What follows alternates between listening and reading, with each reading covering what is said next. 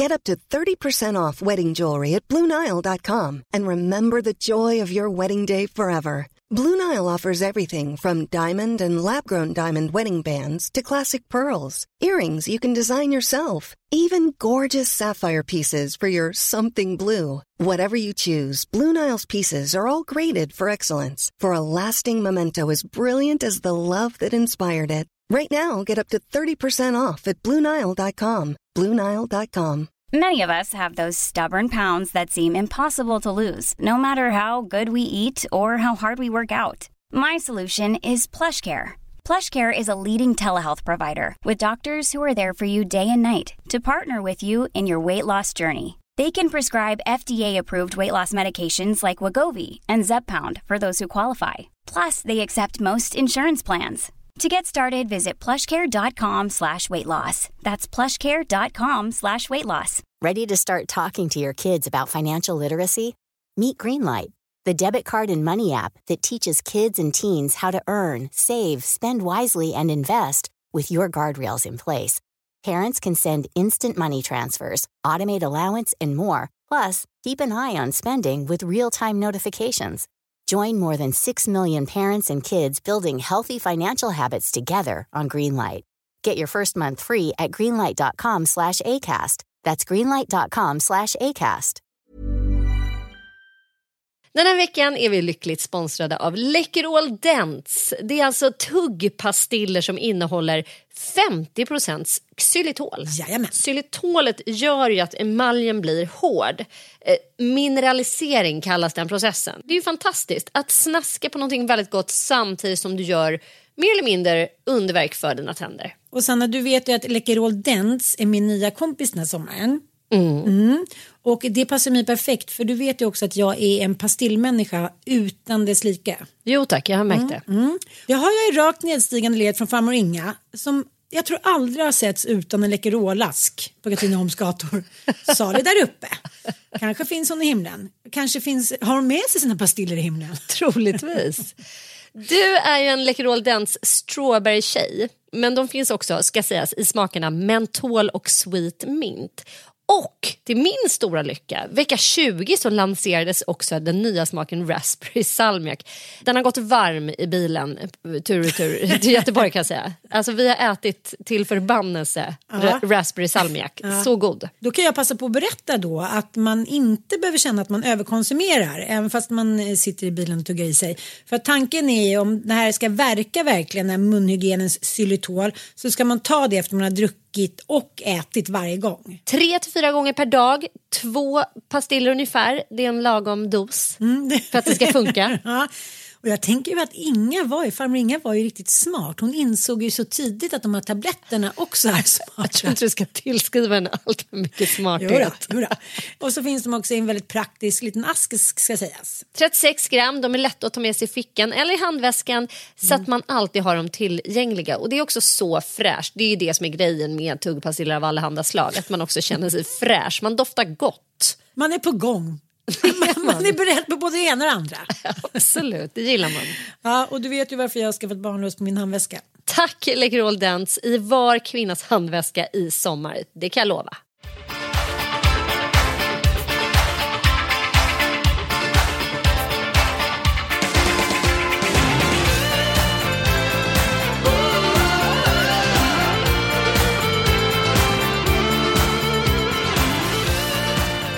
Hej och välkomna till Inte din morsa. Hej, jag vet inte varför jag tycker det är så härligt att vara instängd i cell. Alltså jag vill inte bli hamna i fängelse men som en liten glaskub. Skulle kunna bo så här. Vi sitter alltså på ett eh, café som heter Park Café. Skitsmart eh, ställe på Magnus Ladulåsgatan 1 på Söder där man kan hyra in sig alltså som en här day office. Man hyr kontorsplats 200 spänn per dag eller så kan man ha här månadsabonnemang. Och där har de också en poddstudio där vi tillfälligt sitter för att Acast håller på att eh, flytta. Så nu är vi här och det är en helt fantastisk liten eh, cellkub som är jättemysig. Helt perfekt skulle Bra jag luft säga. också. Ja, Mycket bättre luft än i min tonåringsrum. Herregud. Will he survive also this night? Will he survive? Kan du vädra? Jag har gjort det. Har du borstat tänderna? Jag har gjort det. Han har liksom alltid gjort allt. Men man märker aldrig när han gör det. Han måste vara som en osynlig skugga som han alltid har gjort. Ja.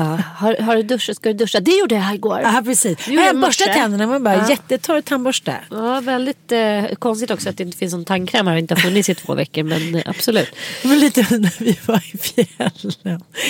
Igor och Dante levde livets glada dagar i sitt rum. De hittade aldrig den där tandborsten som de var på att snacka om och tandkrämen. Sen när jag packade upp allting då låg den där inplastad. Men de hade liksom envist hävdat att de hade min sandborste tänder de fem första dagarna. Jag bara, nu var vi ju inte ens här i fem dagar men ja. Mm. Har du inget roligt skvaller? Nej, men jag är extremt uppfylld. För att eh, på vägen hit i bilen så lyssnade jag på söndagsintervjun med Martin Wiklin. Och eh, eh, jag blir så här, jag lyssnar ju mycket på poddar och jag lyssnar mycket på radio och eh, senaste månaderna så har jag kommit till en punkt där jag känner att jag kan inte bara lyssna på snicksnack eller så här humor eller bara så här två polare som eh, hojtar loss utan jag vill ha kunskap. Och jag vill liksom lyssna på bra skit, välproducerad skit. Och Martin Wikelins söndagsintervjuer som han gör för P1 är skulle jag säga Sveriges bästa intervjuer. Högklass, högklass. Hög klass håller han verkligen. Och han väljer ju väldigt spännande intervjuobjekt också. Och den senaste, eh, den som jag lyssnade på nu på vägen hit var med Johan Kullberg.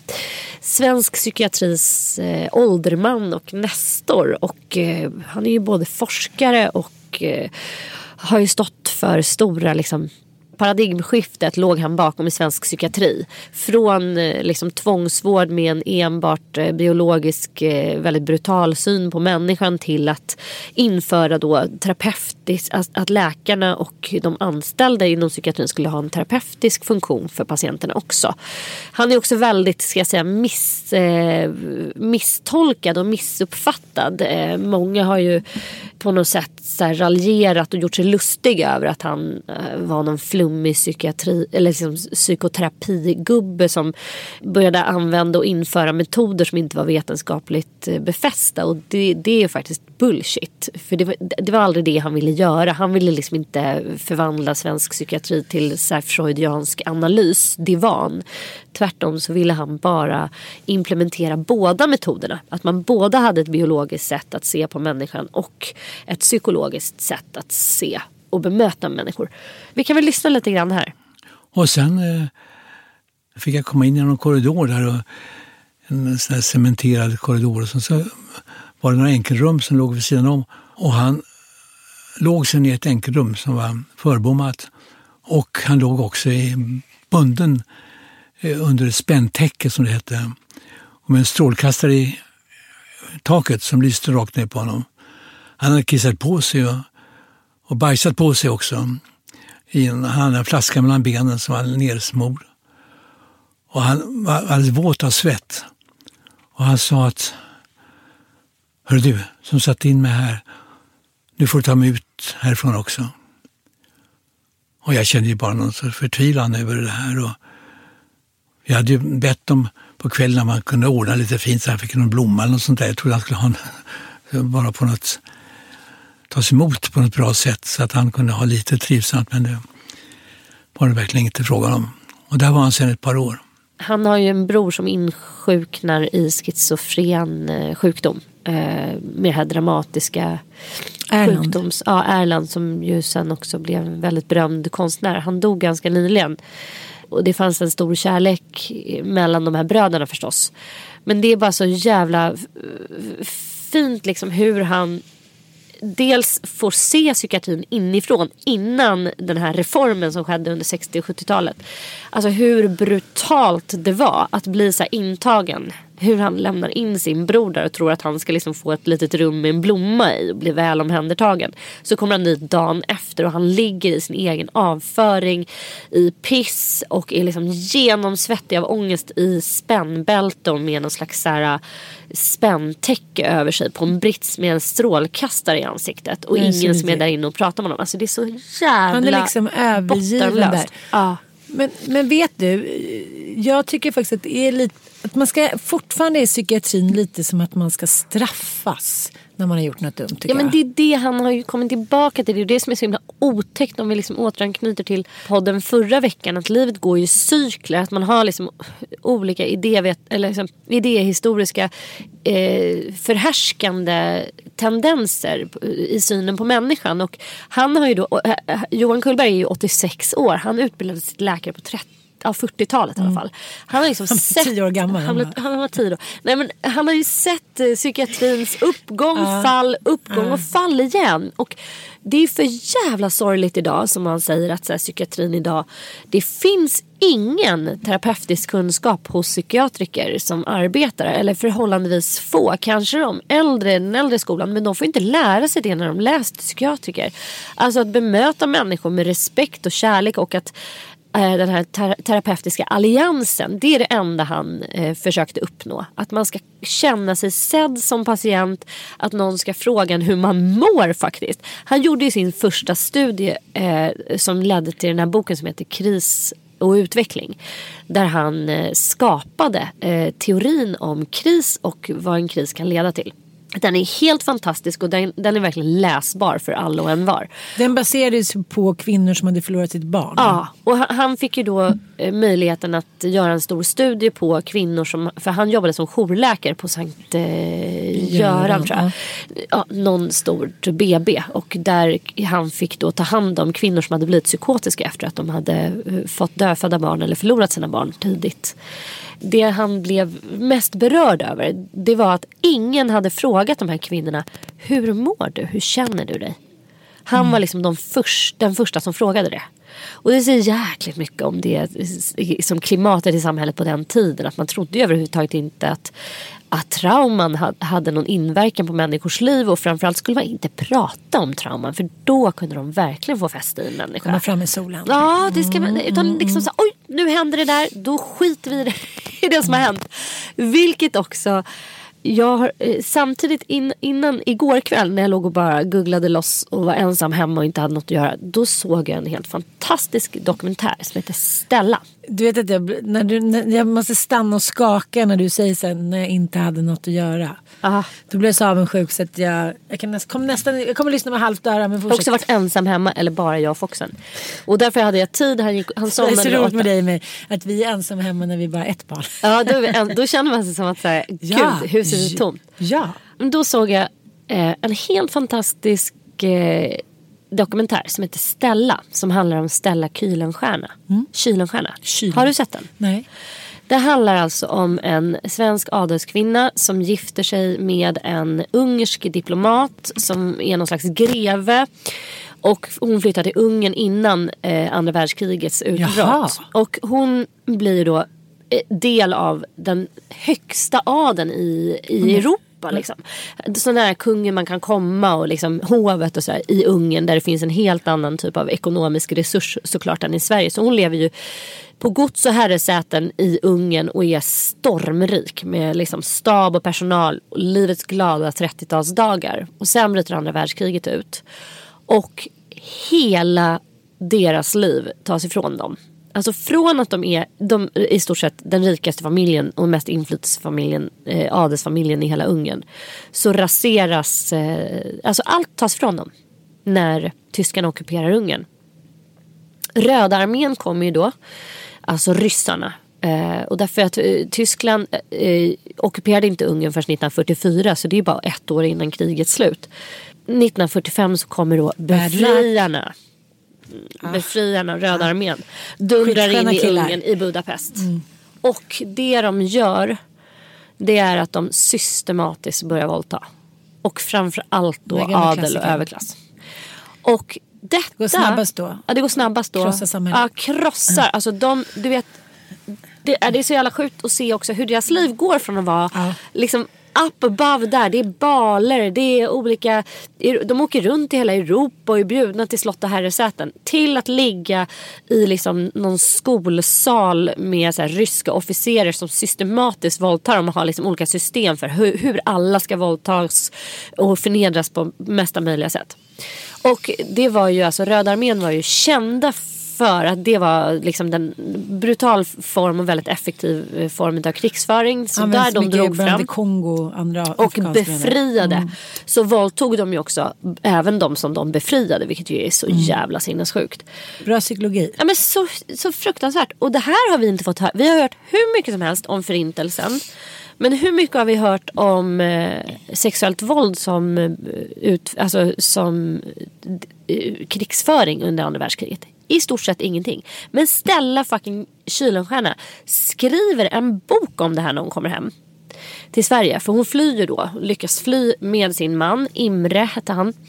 Den här uh, ungerska greven. Uh, de flyr till Sverige, hamnar i Sverige och där skriver hon en bok. Kan vi inte lyssna lite på... Vi kan lyssna lite, fr- Ja. eh, vi, vi klipper in här den här dokumentären Stella Kylenstierna. Kompanichefen var en metodisk man. Han lät upprätta en turlista för alla kvinnor i byn med order för att ett visst klockslag och vissa dagar infinna sig för potatisskalning. Det betydde obligatorisk våldtäkt. Våldtäkterna ägde rum i skolhuset. Kvinnorna tvingades klä av sig nakna och lägga sig på rad på golvet under det att soldaterna ordnade sig i kö framför dem. Den här boken emottas ju inte väl. För hon beskriver där och är, har liksom ett vittnesmål om det här sexuella våldet. Vad tror ni händer? Svenska kommunistkvinnor arbetar, alltså rörelsen som då är på frammarsch i tidigt 50-tal i Sverige. De hävdar att det här är lögn. Att det här är ju då någon adelskvinna som vill svartmåla de här härliga kommunisterna som har dragit fram. Så att hon blir ju alltså hon framställs ju som en charlatan, som en lurendrejerska, att hon har kommit med falsk vittnesbörd. Så hon är tvungen att fly igen till USA där hon startar ett nytt liv. Hon och Imre får flytta till USA där de lever ett liv i, eh, ja, ett, ett, eh, ett påvert liv liksom. För det är rätt Ingen svårt. undan, undanstoppade pengar här. inte. Inga undanstoppade Nej. pengar, inga liksom... Eh, de lyckas inte överföra någonting. Ja, men helt otroligt fascinerande. Andrea Brolin är faktiskt med en bit i den här dokumentären. Eh, Varför då? Därför att hon har ungersk börd och vi har en hel del ungerska flyktingar som kom till Sverige under ockupationen då. Först var Ungern, Ungern eh, de var ju lierade med Tyskland så de gick ju med i kriget. Sen när det började gå dåligt för Hitler då ville Ungern dra sig ur vilket ledde till att tyskarna ockuperade Ungern. Jag fick sånt perspektiv när jag såg den här dokumentären och när jag lyssnade på den här intervjun. Att liv vi har levt, jag har levt ett liv som har varit så jävla skonat. Men vi ska inte glömma att andra världskriget alltså, det är ändå bara 70 år bort. Det är så avgrundsdjupt att tänka att människor kunde förlora allt.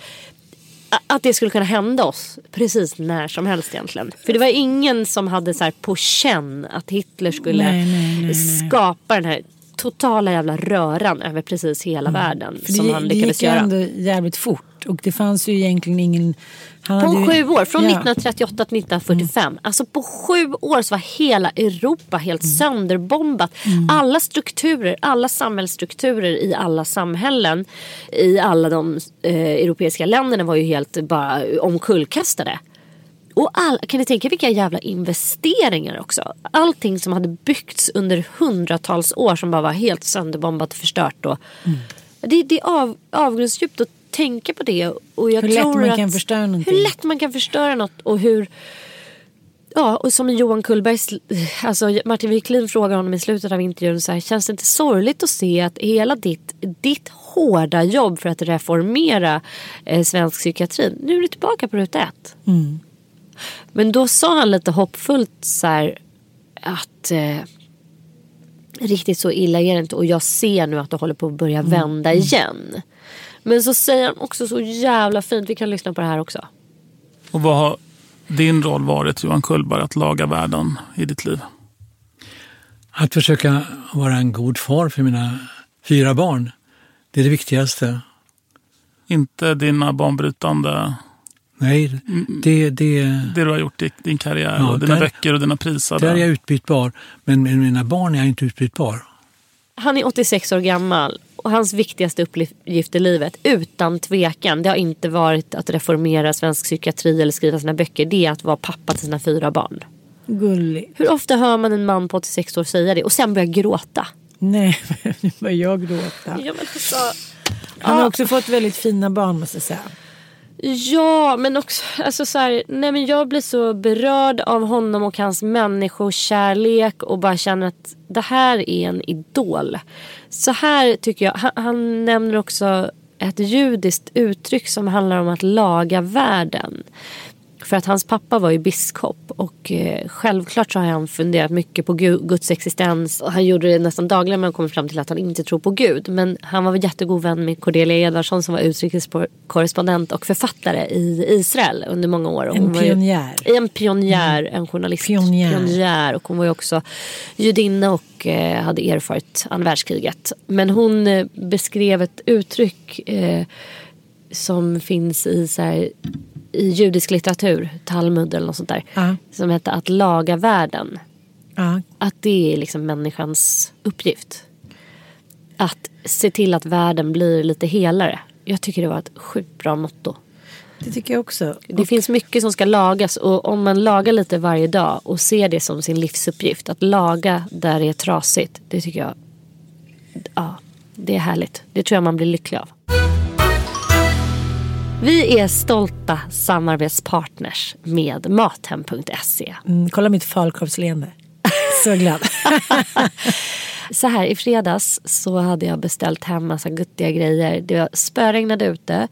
Det är den här coronahetsen. Man har allt annat än lust att sätta sig i bilen och dundra iväg till något stort sånt här äh, Matvaruhus. ah, med en miljard människor som ska fredagshandla, helghandla.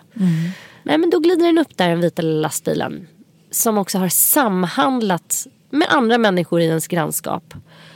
En glad kille hoppar ut, bär ut den här också 20 kilo säcken med hundmat som, som man slipper handla på en affär och stå och konka själv. Han bär in alltihopa i hallen. Det är skagenröra, det är havskräftor från Norge. skagenröra. Det är löjrom och det är Oj äh, men jag har Ja, det där är hemma hos Micke och Sanna. Hemma hos oss så är bönor, falukorv. Nej, löjrom. Jag tog faktiskt fram löjrom i morse. Jag tänkte vi måste ha lite lillelördag. Ja. Nej, men så här är det också. Det som jag tycker är så himla bra och nu ska vi inte skratta åt det, men det är faktiskt också är man ensam en vecka, eh, är man liksom lite trött, har man ingen lust, alltså, då är det också din vän. Då kan man sitta ner, så kan man sitta och gå igenom, så kan man bli inspirerad. Nu senaste veckorna har jag bara lagat recept från Mathem.ses receptbank. Där finns ju även vår boks receptbank med. Ja. Söndagsmiddag. Så jag gjorde faktiskt eh, någonting för vår egen bok. Nej men de har så otroligt bra recept och det är enkelt lagade. Det är, man kan köpa också färdiga kassar så man behöver liksom inte ens själv gå in och bloppa. Det står så här, vill du gå till matkassen? Jag menar inte att allting behöver vara enkelt. På lördagar och söndagar kan man kötta på och då kan man eh, hitta inspiration från vår bok också. Där kan det vara lite längre middagar. Men, men just det här, de plockar till och med in matvarorna i kylen om man vill det. Ja. Och jag tänker inte skämmas och jag tänker inte sitta här med historiens tyngdlag på mig utan så här, tack gode gud för Mathem så hinner jag vara en modern kvinna och en jävligt mycket bättre morsa.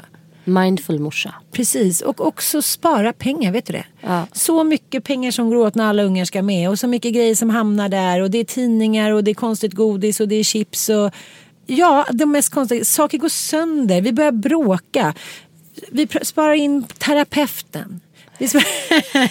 Jag slänger inte lika mycket mat. Det blir ett bättre liv. Och jag och min snubbe har typ inte bråkat om mat sen vi började med Mathem. Nej, inte vi heller. Det är faktiskt Det är en revolution. Ja. Det är det. Ja. Matrevolutionen. Och jag tror att man bråkar mycket mer om det där än vad man tror. Istället för att han kommer hem och har storhandlat en liter mjölk så kommer det tio liter mjölk med Mathem. Med koden morsa 100 så får ni 100 kronor i- rabatt om ni handlar för mer än 700 kronor. Use it Gå in och nu. lose it.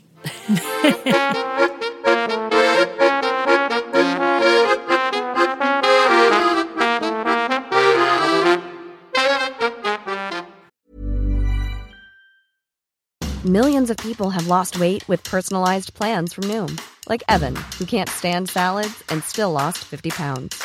Salads, generally, for most people, are the easy button, right? For me, that wasn't an option.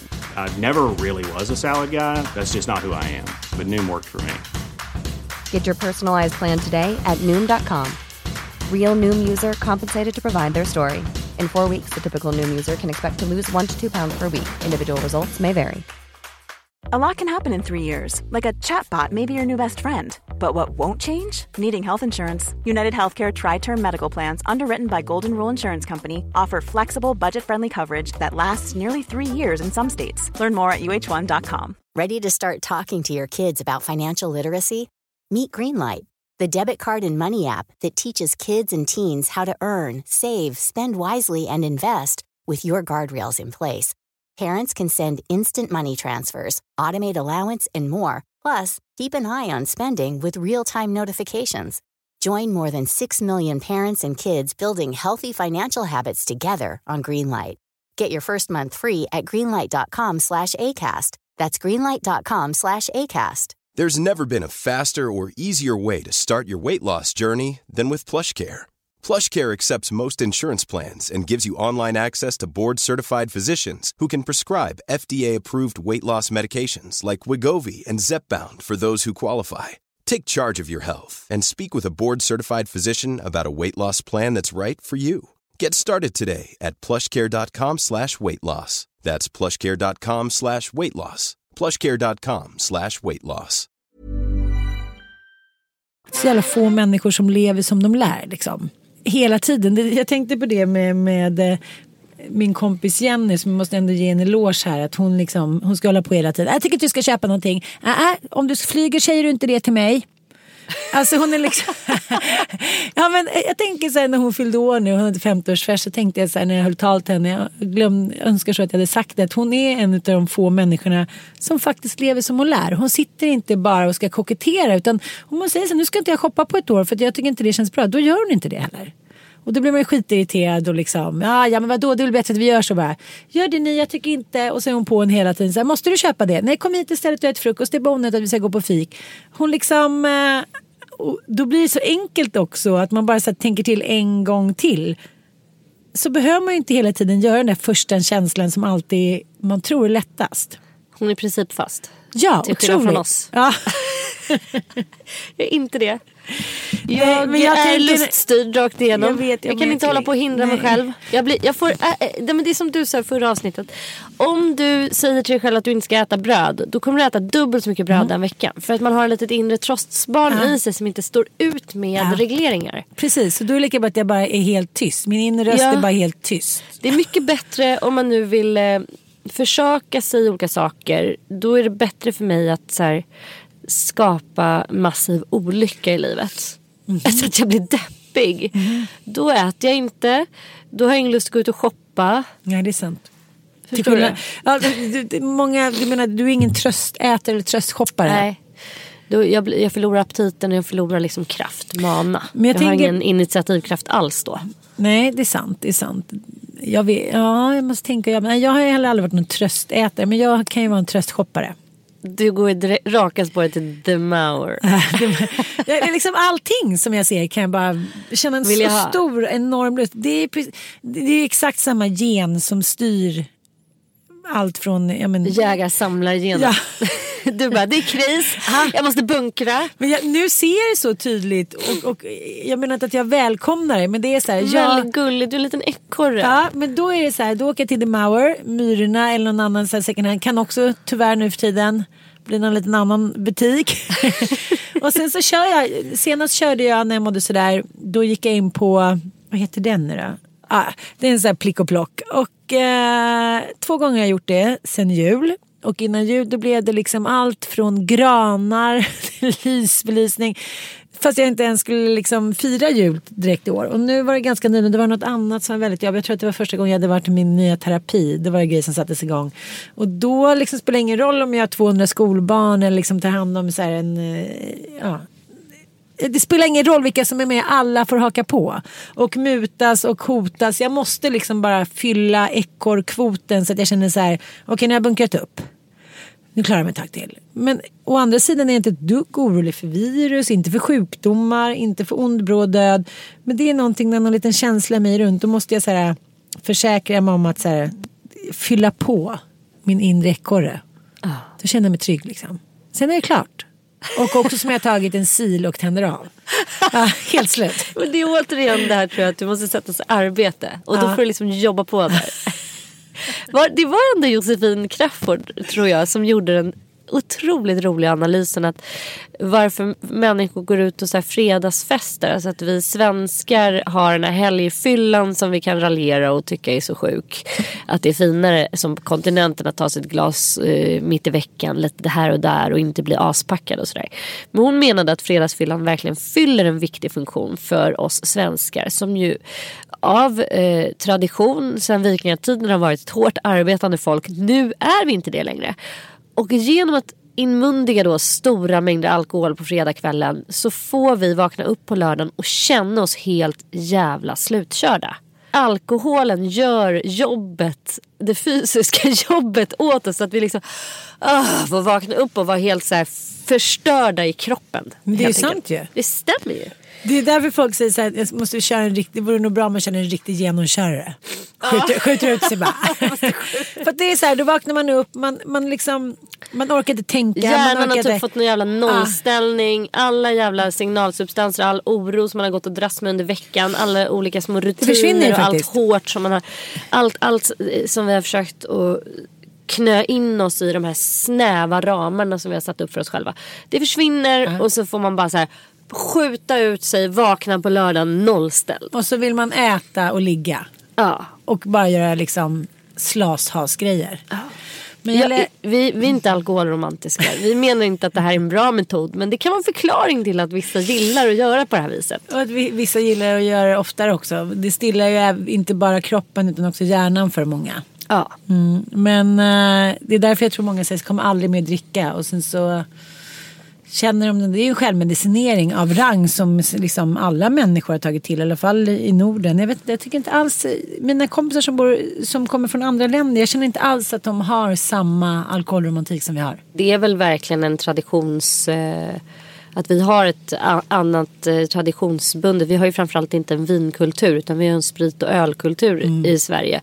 Förr i tiden var ju det inte starköl utan då var det ju någon slags liksom fol- slaskig folköl som folk bryggde hemma, mumma Drack och dylikt. Liksom, och drack till frukost, middag, lunch. Och sen drack man sprit när det var högtider och då blev man dyngrak. Liksom. Medan i andra länder har man ju druckit vin blandat med vatten och haft vin som måltidsdryck för att det har kanske saknats rent vatten och annat. Liksom.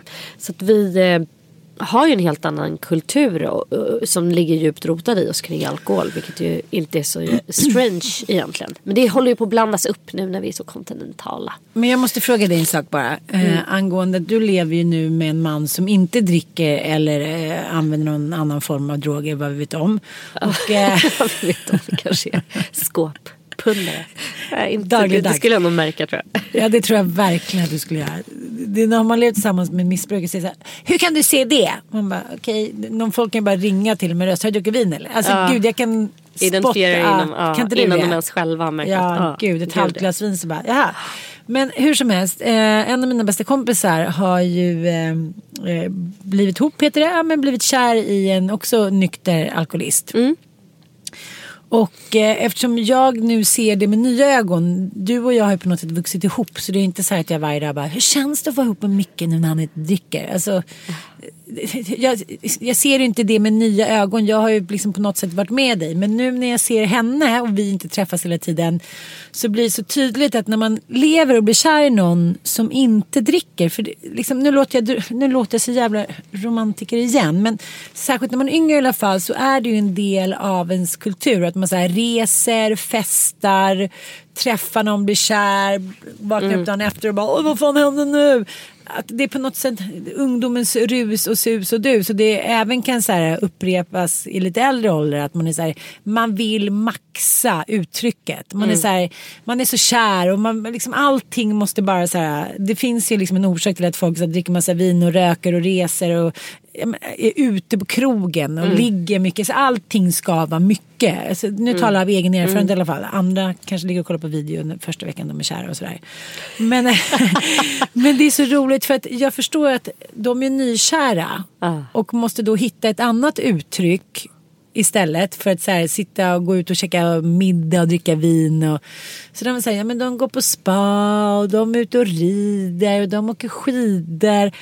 Att jag tänker att det skapas också en annan värld. Att det är väldigt enkelt att luta sig tillbaka mot den kulturen som vi har faktiskt i Sverige. Så här, gå ut och dricka och äta eller sitta hemma och dricka och äta. Det är ett väldigt enkelt sätt att här, träffa någon, ta ett glas champagne, äta en god middag, sitta ute på krogen. Alltså, det är en väldigt enkel inledning på en relation. Men om man inte har den så sätts ju allting ur spel. Så jag är så fascinerad. Jag bara, jaha, då var ni på spa och så, och så var vi på gemensam Du fest drack här. alltså inte ett glas champagne där på spat och hur avslutades det? Ja, Och... och nu när vi var på, på gemensam fest här och, och fredags alla hade peruk och då gick ju de tidigare såklart för efter en viss tid så är det ju odrägligt att vara med onyktra människor. Det måste väl Micke också tycka så här. Ja. Efter typ 12 så är det bara så här I'm leaving liksom. Men, men också att det kanske är en liten sorg att inte kunna äta en riktigt god middag och dricka ett glas vin tillsammans. Liksom. Så det, men, men eh, jag vet inte, hur känner du liksom? Gör ni massa saker när sen han inte kunde dricka? Så här, går ni på spa eller utforskar era inre indiska gudinnor? Jag tror att det måste inte egentligen ske precis i början. Det blir lite svårt för er så här, ah, nu ska vi hitta på någonting istället för att dricka vin tillsammans. Alltså, det kommer väl bara naturligt för er? Ja men jag dricker mindre än genomsnitt absolut. Och jag är väldigt glad för att jag har fått upptäcka den sidan av livet. För jag tror att om man inte ha- liksom lever tillsammans med en alkoholist eller har en alkoholist i sitt liv så behöver man inte ifrågasätta det någon gång. Eh, vilket gör att man Eh, man slafsar på och det, det, alltså tillvar, man ställer ju högre krav på tillvaron som nykter. Man eh, tar inte vilken, alltså, med ett glas vin så kan man till och med sätta sig på en liksom jävligt risig pub och ändå få den att kännas rätt lyxig. eh, du kan åka på en ganska eh, vidrig charter och få den att kännas härlig för att du dricker paraplydrinkar i en vecka liksom obegränsat typ. Fattar, fattar. Eh, så att eh, kraven sänks när alkoholen kommer in. För att eh, vi får någon slags eh, förmildrande dimhöljt över oss. Liksom. Kvalitetskraven minskar helt enkelt. Så det är väl det jag har märkt. Att liksom, vi nöjer oss ju inte. Så här, ska vi åka på en semester till exempel. Då vill man gärna åka till en storstad där det finns saker att se, att uppleva, att göra. Och ska vi åka på en solsemester då måste det också finnas liksom, så här, gym, pool, går att dyka. Alltså det, vi kan inte bara längre ligga på en strand en hel dag. Det funkar ju inte. Liksom. som vi och dricka drinkar och ligga och lufsa och lulla. Utan det ställer lite högre krav på att det finns liksom saker att se, att uppleva, att göra. Och sen i- relationen så är det ju det som är fantastiskt med att inte dricka ihop. Det är ju att man får mycket bättre koll på varandras känslolägen. Det går inte att fuska. Alltså man kan ju ha det rätt risigt i en relation och tycka att man har lufsat igenom ett par veckor där det bara varit så här och sen bara, äh, men vi tar ett glas vin älskling Ah, och så ja, bara, ja, ja. får allting någon liten förhöjd dimma och man bara, åh gud vi har det rätt mysigt ändå. Vi öppnar en flaska Amarone bara så här. Och så dricker man sig till någon slags halvbekvämt eh, tillstånd. Det funkar ju inte när man är nykter utan då måste korten på bordet. Vad är det som skaver? Vad är det som inte funkar? Har vi tråkigt? Man kan ju bara helt plötsligt säga det är så jävla tråkigt. Vi måste göra något. Och sen är det ju också ett helt, alltså kvällarna och nätterna är ju inte dugg eh, intressanta längre. Nej. Jag, tycker, jag är bara glad att man får leva flera liv i ett liv. Och apropå det här så jag har en kompis som heter Sissan, en gammal barndomsvän till mig. Hon har spelat in eh, ett avsnitt i en podd som heter Prestationspodden. Mhm. En skitbra podd faktiskt där hon pratar, för hon har varit nykter i ett år. Eh, och hon är inte alkoholist men hon håller på mycket med yoga och personlig utveckling och hon vill liksom testa vad alkoholen, för hon kände att liksom alkoholen har en sån jävla stor del av mitt liv. Utan att jag ens har reflekterat över det. Så hon har testat att vara nykter och hon säger väldigt kloka grejer i den här podden. Eh, som jag bara, ah, just det, det har inte jag reflekterat över. Till exempel att alkohol får ju oss chimärt att känna oss avstressade. Men det som händer i kroppen när vi dricker alkohol. Det är tvärtom. Att kroppen blir stressad för att vi sätter i oss ett gift. så det, därav den här känslan som Josefin Crafoord pratar om att man vaknar upp och känner sig helt jävla slut. För att Mm, kroppen mm. har liksom utfört ett mindre krig under natten med att förbränna det här giftet Mm. som vi har stoppat i oss. Så det är Spritångesten spritångesten och den fysiska, rent kroppsliga Mm. eh, ångesten för kroppen att bli utsatt för det här giftet gång på gång. Och även ett glas vin är ju att ge kroppen en liten bit gift. Så att vi känner oss avspända men kroppen blir egentligen stressad. Så att, att, att dricka det där vinet och tro att vi får vila i det, att unna sig ett glas härligt fredagsvin. Det är egentligen att så här, ge kroppen mer stress efter en jävligt tuff vecka. Och det märker jag också av att leva nyktert. Att jag är jävligt mycket, alltså jag mår mycket bättre i psyket. Eh, nu de gångerna när jag dricker vin, det kan ju vara liksom att så här, jag är iväg fyra dagar med dig. Eller typ, Skyll inte på mig, skyll inte ensam mig. hemma i fyra dagar och bara, "Nej, men gud nu ska jag dricka lite vin. Eller med mina kompisar liksom. Hur fan vad jag blir bakis och vad slut jag blir. Och jag kan också känna att jag har sånt edgy humör när jag är bakis. Att jag blir så här. Vad fan lägg av. Alltså jag blir snäsig, jag blir liksom irritabel. Så det tyckte jag var så här normaltillstånd. Det är sån jag är bara. Men det är bullshit. Det är man Nu inte. Man blir framstår du själv mycket... som du har så här, druckit typ hundra gånger i veckan. Det har inte. Nej men, Men jag alltså, fattar det är nyansskillnader. Det är klart att jag inte är någon jävla galen. Men du fattar, alltså, Nej, men man jag märker. fattar att vara bakis Ja. är ju att vara irriterad. Inte vara en så jävla trevlig människa. Jag tycker att det försvinner ganska mycket i alkoholdebatten. Så här, då var föräldrarna fulla framför barn. Och så här. Jag vet inte, jag tycker så att vara bakfull tycker jag nästan är ett Värre. större primärt hot. För att då kan det hända både det ena och andra. För då är mamma och pappa irriterade. Då kan de säga fula grejer till varandra. Eh, under själva fyllan om inte den går överstyr så är det väl liksom Rätt mysigt och trevligt det är det jag menar. Så att den där jävla bakfyllan tror jag liksom ställer till det så mycket mer än vad det någonsin pratas om. Liksom. Ja och att det så här, går från att vara glatt, gemytligt och mysigt och soft till att så Mm. här, man vaknar upp som barn och så är det bara så här Mm. Två svart neddragna gardiner, två irriterade vuxna Dubbla som bara inte vill göra något förutom att bara ligga hemma och deka. Liksom. Ja, nej, in, inte så kul. Såklart. Men ja, men som svar på din fråga. Jag, jag tycker inte att det...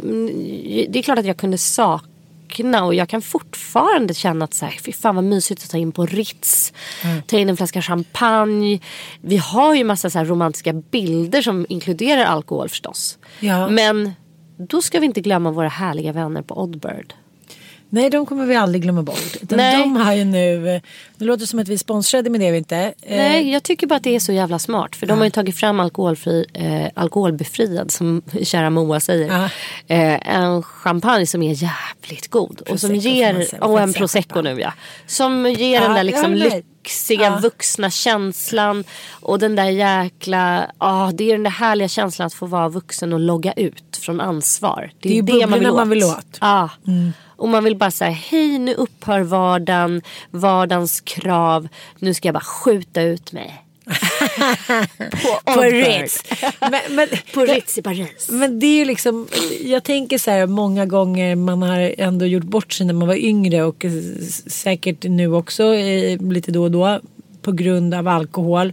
Men, eh, men också som du säger så här att som småbarnsförälder när det ändå läggs en viss sordin på stämningen så, så finns det liksom som du säger en, en romantisk bild som också kan vara lite sann. Att man säger vi tar en på hotell, vi drack lite bubbel och pippade som kaniner och vad vad vad. Ja, men om vi liksom inte ska sticka under stol med så finns det ju såklart en förlösande faktor. Det, annars skulle ju inte folk dricka. Nej. Alltså så är det ju Det är klart bara. att det är liksom. härligt att dricka. Annars Ja. så, alltså, nej, vi gör det ju inte bara för att vi ska följa något kulturellt mönster. Nej. Det är klart att vi får en vinst av det. För det verkar ju löjligt Och de att låtsas flesta, om det. Jag menar, fan, Ja. 85% av alla klarar ju av att hantera alkohol. Ja. Det, så det är ju inte ett problem för många. Eller för de allra, allra flesta. Mm. Eh, Utan det funkar rätt bra som, som både liksom, Mm. vad ska man säga, pulssänkare och Pullare. att man. Pullingen blir bra. Ja, men, Vår nivå är så låg ibland. Ja, Alltså. men det är bara, tänker alla så här 70-tals och 80-talsuttryck som är så här Kukaltur nu. Ja, kommer få så här. Pullar varandra, pullar upp en brygga. Slick bara en brygga. Man bara så slicka upp i brygga. Liksom, har det, är inte det bara en porrfisk? Var det någon som gjorde det? Jag vet faktiskt inte. Ja. Kommer att vara så avundsjuk. Han, han, han älskar bara att sticka upp med brygga liksom. Sånt är också jag vet inte vad det handlar om, att man också blir så jävla mycket mer rädd om livet. Det pratade ju du om förut. Innan kunde man ofta sitta och snacka sex på tjejmiddagar. Nu är det jävligt tyst om sex på tjejmiddagar. Ja, jag tycker det. Det är om någon har träffat någon ny liksom. Men, men mina vad tror du att det beror på? Ja, du har ju så jävla spännande Så att kompisar. det, det är kanske är för att vi andra tycker här, det vi kommer med i jämförelse med det är så här. Då skjutsade han min man mig till hotellet. Så var det två som väntade. Så skulle vi filma. Och sen kom de hem till mig två timmar senare. Då är man så här. Vi, ja, vi kollade porrfilm i två minuter. Och låg från sidan. Alltså det kanske är... Ja, men, eh, jag tycker allting så här har blivit, man, man var så gränslös med så mycket fram till en viss ålder tycker jag. Och det kanske handlar om det där att man inte tror att det är liksom, man är inte mamma och kvinna nog. Men jag pratade man med, ska- med Micke om det där och han bara, är ni helt sjuka i huvudet? Pratar tjejer på tjejmiddagar om så här ingående med sina partners liksom, sexuella förmågor? Och man bara, ja. Han bara, "Eh, alltså det gör inte män Nej, men menar han. vet. Han Nej. menar att det gör vi Nej, inte. Det, men det det, är respektlöst. Man pratar Ja. inte om kvinnor på det sättet. Man bara, eh, aha okej. Eh, och Okej, min sorry, lill- ska aldrig mer göra det. 400 men min lillebrorsa var ju också med någon gång när jag hade tjejmiddag. När han, var, han var väl 17 kanske, jag var 19. Men han var också i chock, total chock. Han tyckte det var så vidrigt. Mm. Hur gränslöst vi behandlade män i vår närhet. Jag vet inte, jag kanske inte alls är comme faut att Jo, här, sitta jo. och dissekera. Men det är det ju. Jo, men, jo, fast jag tycker så här, om det är någonting som verkar vara liksom löpa som en ganska tjock röd tråd genom tjejmiddagar så är det så här, nu jävlar släpper vi lös allting bara. Och, och, och jag kan tänka att det handlar om, det är lite som vi sitter här i den här lilla glasburen. Att det är så här, vi ska vara så präktiga, vi ska vara morsor, vi ska laga mat och vi ska göra karriär hit och dit. Men tjejmiddagarna är de nya herrmiddagarna. Ja. När liksom rikegubbarna satt med sina prostituerade kvinnor på, liksom kom in på liksom Berns i slutet av 1800-talet och tjejerna liksom, vi har aldrig fått vara med. Jag tror att vi tar igen liksom hundratals år av eh, uteslutning. Ja. Och det kan också vara, det som jag tycker är så underbart med tjejmiddagar att det kan vara en sån jävla höjd på dem. Och det kan vara så otroligt magplask och allt är härligt. Mm. Ja, gud vad jag vill ha tjejmiddag. Ja, det är Johan tjejmiddag. Tjej, tjejmiddag. Det är veckans utmaning att du och Ja. jag ska bjuda in till en tjejmiddag. Ja, det ska vi. Middag. Och vi ska ha tema, vad ska vi ha för tema? Dildos. Ja, vi gör det. Nu får ni vara på oss lite om vi inte återkommer om det här. Ja. Men jag vill att vi ska stanna lite vid Var med på vår challenge. För jag, jag tycker att det, här, det finns ett in, intressant psykologiskt i det här. Att det, det liksom, den eviga diskussionen om det liksom eviga manshatet gentemot kvinnor som liksom kommer till uttryck överallt hit och dit.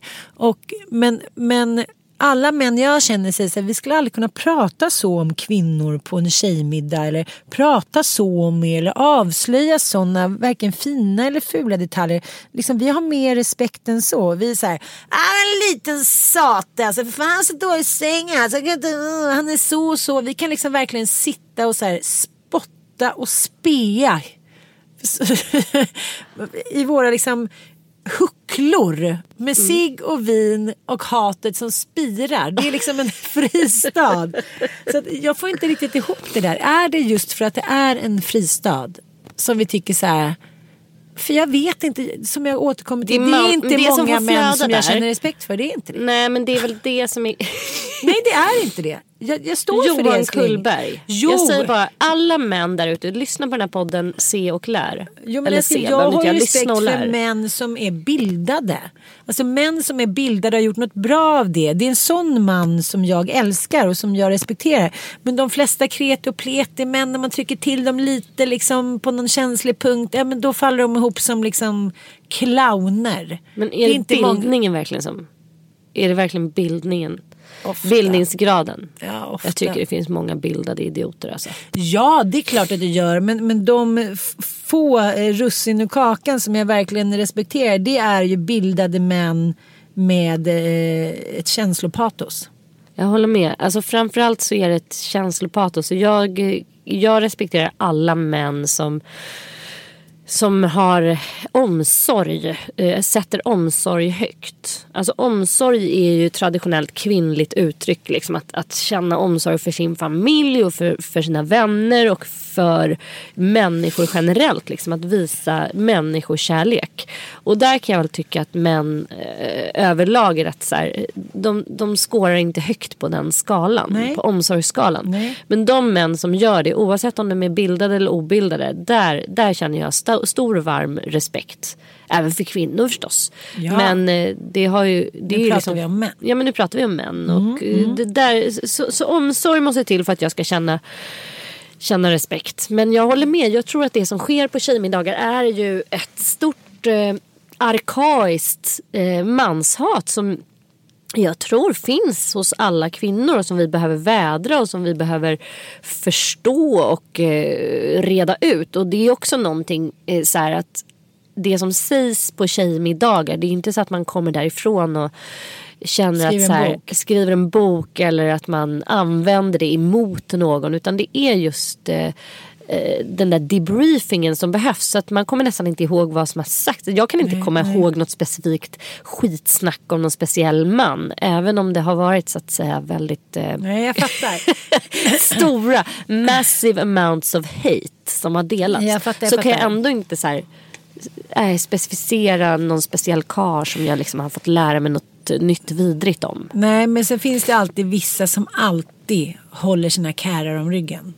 När Ja, man är så det här- gör det. Man säger, men varför? Nu sitter vi här liksom, i vår, för, vårt kvinnoförbund och säger så här att, att, att de tror så här, att det kommer komma tillbaka. Och så kan jag faktiskt tänka ibland också. När man så sitter och pratar med någon och så påvisar någon svaghet som ens man har. Ja. Då tänker man så här.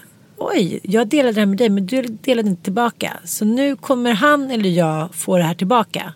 Och det är det som jag ändå tycker är så magiskt. Men när man är med sina äl- äldre väninnor. Ja, så kan man också säga. De är 17 år. Vi som är tillhör Nej men att det är helt fritt från censur. Att det är så här, de som är ens bästa bästisar. Där behöver man inte, det är fortfarande alltid någon som är så här. Men, men liksom man förstår också att det är hat med kärlek. Kärlek och hat. Skillnaden är inte så stor mellan kärlek och hat. Sista tapper. Men, men så tänker jag så här, lite som jag eh, tror ändå att män eh, liksom eh, alltid småljuger lite för att alltså, framstå som bättre. Så jag tycker ändå att jag har fått det några gånger av män när det har tagit slut på relationen så här, haha, ja men du vet ju vilka grejer jag menar. Det där jag sa att inte jag gjorde eller inte, att inte jag var så, det var jag. De vill så sticka till en lite, man bara, I don't care anymore, I never cared. Uh, så att jag tänker att, det, att jag tror också att det snackas mer. Och jag tror att det är olika killgäng också. Jag vet vissa killgäng där det liksom snackas så jävla mycket om både det ena och det andra. Om brudar och ludar. Hurra, hurra, hurra. Så att jag tror liksom att det är jag har ju för fan suttit med killar när jag var yngre som har suttit och visat bilder när de har varit i Thailand och liksom legat med prostituerade. Vilket var coolt. Man bara satt i Sköndal och så med sin blå bländ och bara jaha okej okej. Jo alltså nu har det ju hänt, det här är ju länge sedan men att det har hänt otroligt, otroligt mycket. Att, att mycket stängs såklart undan liksom. Eller göms i snö och kommer upp i tö. Att det som, som var liksom coolt för 25 år sedan är ju fucking kom eller få nu. Så det, det är mycket som har hänt. Men jag, jag vet, jag tror, jag, jag, jag, jag återkommer till det här med bildning. Jag har väldigt få vänner som jag tycker har bildning som sitter och liksom vräker ur sig vare sig rasistiska påhopp eller kvinno eller manspåhopp. De är så här människohumanister. Sen kan vi alla liksom falla igenom det, det, det håliga Det är väl också så här att är det inte ett faktum att när människor mår jävligt dåligt och är Jo. Mm. missnöjda med sitt liv. Då kommer de här dömande attityderna, Ja, behovet av att snacka skit, behovet av att höra hur dåligt andra människor har det. Och eh, sen när de mår bra igen då finns inte det där längre. Mm. Då är det inte en skitsnackare av rang. Eh, och att det inte bara handlar om självkänsla förstås utan att det handlar som sagt eh, om tillfällig kris i livet eller att man bara har pissdåligt. Det, det, har, det fyller någon slags funktion. Det återkommer vi alltid till. Att så här, skvallret det är mänsklighetens krona på något sätt. Eller ok. Lika härligt det kan vara att skvallra och snacka lite skit. Precis lika vidrig kan man känna sig. Smutsig. Tungan är svart. Ja, så det är liksom, gränsen är hårfin för liksom sunt skvaller, sund debriefing på Ja. en tjejmiddag. Ja. Och när man går över gränsen och istället bara börjar känna sig som en smutsig människa som är ond. Aldrig Man ska hålla sig på rätt sida av gränsen. Aldrig känt. Aldrig känt. Alltid god, alltid. Nej men, men där är, jag tycker det är väldigt tydligt också med, och därför får man försöka ha någon form av så här när man lever nära någon som mår dåligt eller umgås med någon som mår dåligt så måste man sätta på sig lite den där liksom, ha, oj, där, är lite som eh, en skyddsväst. Man, så här, kulorna får liksom vina lite men smattra på. Men gudarna ska veta att det, det är inte lätt och jag tycker så här när man har levt med, med människor som har mått dåligt så här det, det är en väldigt, så här, om jag får använda uttrycket, schizofren vandring. Att ena dagen är man så här, den jäveln han ska ut alltså, han ska ut, orkar inte höra ett ord. Och nästa sekund säger så här, men jag fattar ändå. Och det här är någonting som jag tycker att, att det är viktigt att prata om, även du och jag som föreläser och har gjort, lever mycket anhörig eh, atmosfären och medberoende och liknande. Att det finns som att man, det finns något antingen eller. Antingen får liksom slänga ut den jäveln, hata honom. Eller så här, du måste förstå, hon mår så dåligt, vi måste finnas där. Att liksom alla känslor finns ju när man lever nära människor som inte mår bra. Ja, och sen så skulle jag vilja säga att just det där tvivlet eller från den ena dagen till den andra som du skriver. Att så här, nu vill jag göra slut, jag vill lämna, jag vill inte vara kvar, jag står inte ut en sekund till. Och så nästa dag så bara, ja men hur är det nu? Nej men det är bra, så vill man inte låtsas om den där dagen som var där innan. Men just det är ju en fas som föregås av ett bes- alltså som det föregår det riktiga beslutet och den fasen kan pågå i ett år. Och eh, min eh, anhörigterapeut sa en gång till mig så här, tid tar tid. Och att man måste få, få befinna sig i det där tvivlet och man måste få eh, ge uttryck för det utan att någon ska ställa omedelbara krav på en att göra slag i saken. Att till exempel flytta ut eller göra slut eller sluta med sin drog. För likadant hör man ju från någon som är fast i ett missbruk. Jag vill sluta dricka. Om man nu har den stora eh, ynnesten att eh, någon liksom outar det för en det ju, händer ganska sällan hos eh, anhöriga och medberoende att man liksom får det, den förtroligheten. Det är kanske mer vanligt att nyktra alkoholister och narkomaner får det. Liksom. Någon Ska du säga, du dricker ju vin. Ja, men i alla fall när någon kommer och säger jag vill sluta. Och sen dagen efter vill de inte alls sluta. Nej. Och bara, "Ja, men jag ska, jag ska söka öppenvården nu. Och sen tre dagar senare så bara, nej men jag tänker att jag tar det nästa vecka istället.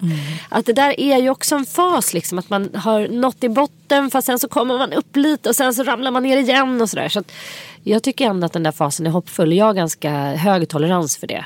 Och bara man kan urskilja den liksom. Nej, men jag tänker också att man måste också acceptera. Jag tycker att jag har sett det på dig och du har säkert sett det på mig. Att så här, när det har varit för, liksom, men, för rörigt ett tag och man själv har bara gett och gett och gett och inte fått någonting tillbaka förutom jävla rörigt liv av den andra. Då, då stänger ju kroppen av. Då är man sen i sparlåga och sen kommer någon och tar en på rumpan och tror att det ska bli åka av. Man bara, åka av? Men vem då? Typ Gröna Lunds nya åkattraktion. Man, man, så här, man försätter sig själv i någon form av neutrum för att orka ta hand om vardagen. Så man tänker så här, barnen kommer först, sen måste jag tjäna pengar, bla bla. Och sen så blir liksom röran där runt omkring medan människan som lever i, eh, ja, men, vad ska man säga, i depression eller i missbruk och liknande. De är ju inne i sin högst själviska känsla och det tycker jag man kan känna när man till exempel har sorg. Mm. Som när min mamma gick bort eller människor som liksom sörjer någon. Det, är ju helt jävla egoistiskt. Och det är med allting. Ingen kan förstå hur ledsen man är. Ingen kan förstå hur dåligt man mår. Ingen kan förstå, ingen kan förstå hur jobbigt det är. Så är man ju själv också. Man är ju bara en jävla superstar i sitt eget liv hela tiden när man inte mår bra. Återigen, fan lyssna på Martin Wiklunds intervju med, Mart- med eh, Kullberg. Är Nej men han är ju klok. Det är också något Ja. jävla härligt att få höra en 86 år gammal man sammanfatta sitt liv och klokskaper. Mm. Jag saknar det. Nu har ju inte jag några mor eller farföräldrar i livet längre. Och jag har inga gamla människor i livet Nej. eftersom jag inte jobbar på hemtjänsten. Men fan vad det är underskattat. Och vi lever Mm. ju i ett ålderssegregerat samhälle dessutom. Så man träffar inte på äldre människor by coincidence sådär, som delar med sig av sina klokskaper. Så av det skälet är den här intervjun också helt Ja, den är så underbar. För att han eh, säger ju också att eftersom man har träffat så många människor som är i kris och som är i sorg. Eh, att ja, det är liksom, livet ser ju ut så. Det är bara en radda kriser och sorger som, eh, som kommer åt en. Och han menar att människor som inte är med om det, de får ju ingen självkännedom och har ju också svårt för att möta andra människor som är i kris. Ja, min man.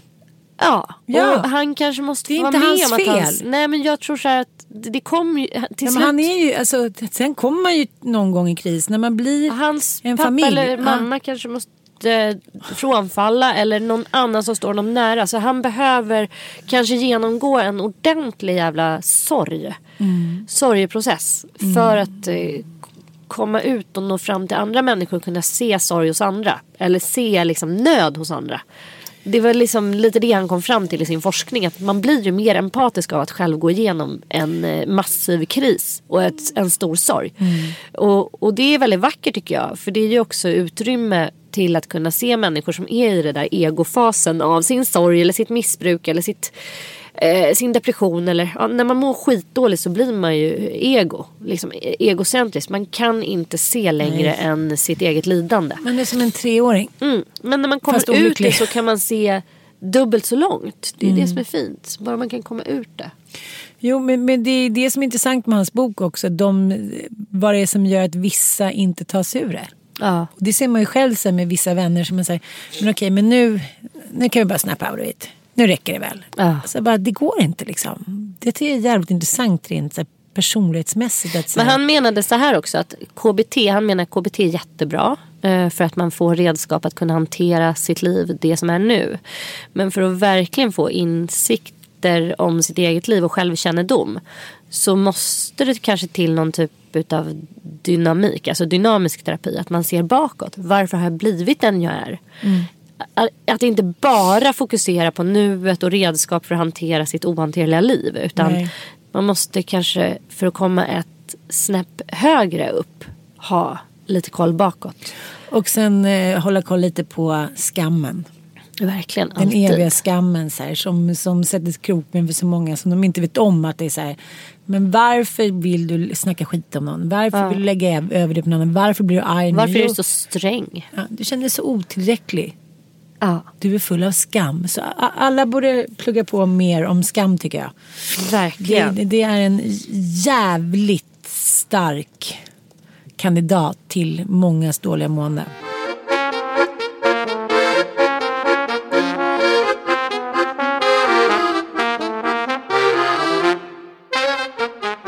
Jag vill bara säga också, eh, jag som eh, är en väldigt sann humanist. Nej.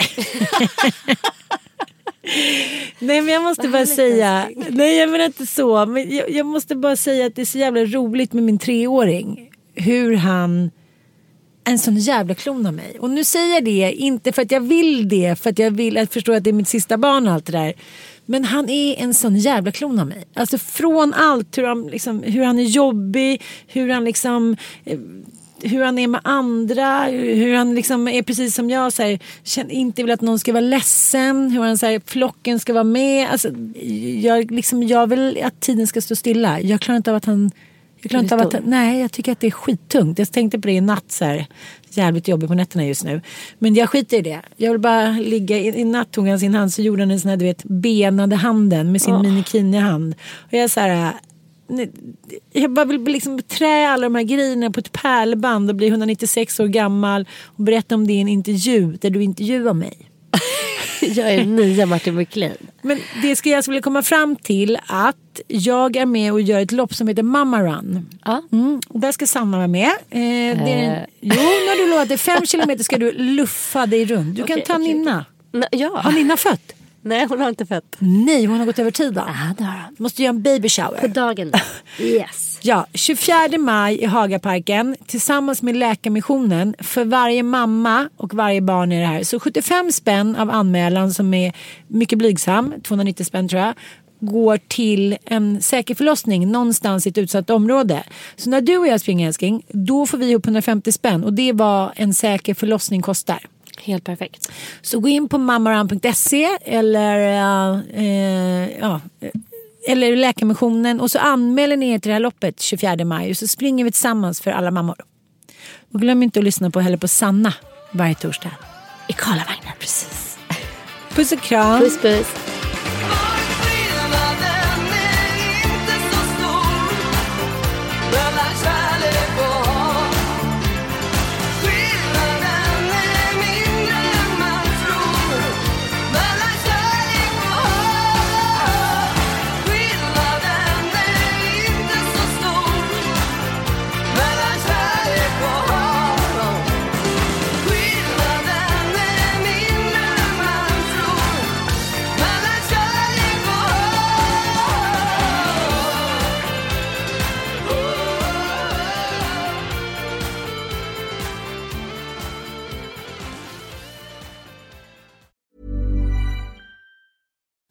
Imagine the softest sheets you've ever felt. Now imagine them getting even softer over time. That's what you'll feel with Bowl and Branch's organic cotton sheets. In a recent customer survey, 96% replied that Bowl and Branch sheets get softer with every wash. Start getting your best night's sleep in these sheets that get softer and softer for years to come. Try their sheets with a 30-night guarantee. Plus, get 15% off your first order at bowlandbranch.com. Code BUTTERY. Exclusions apply. See site for details.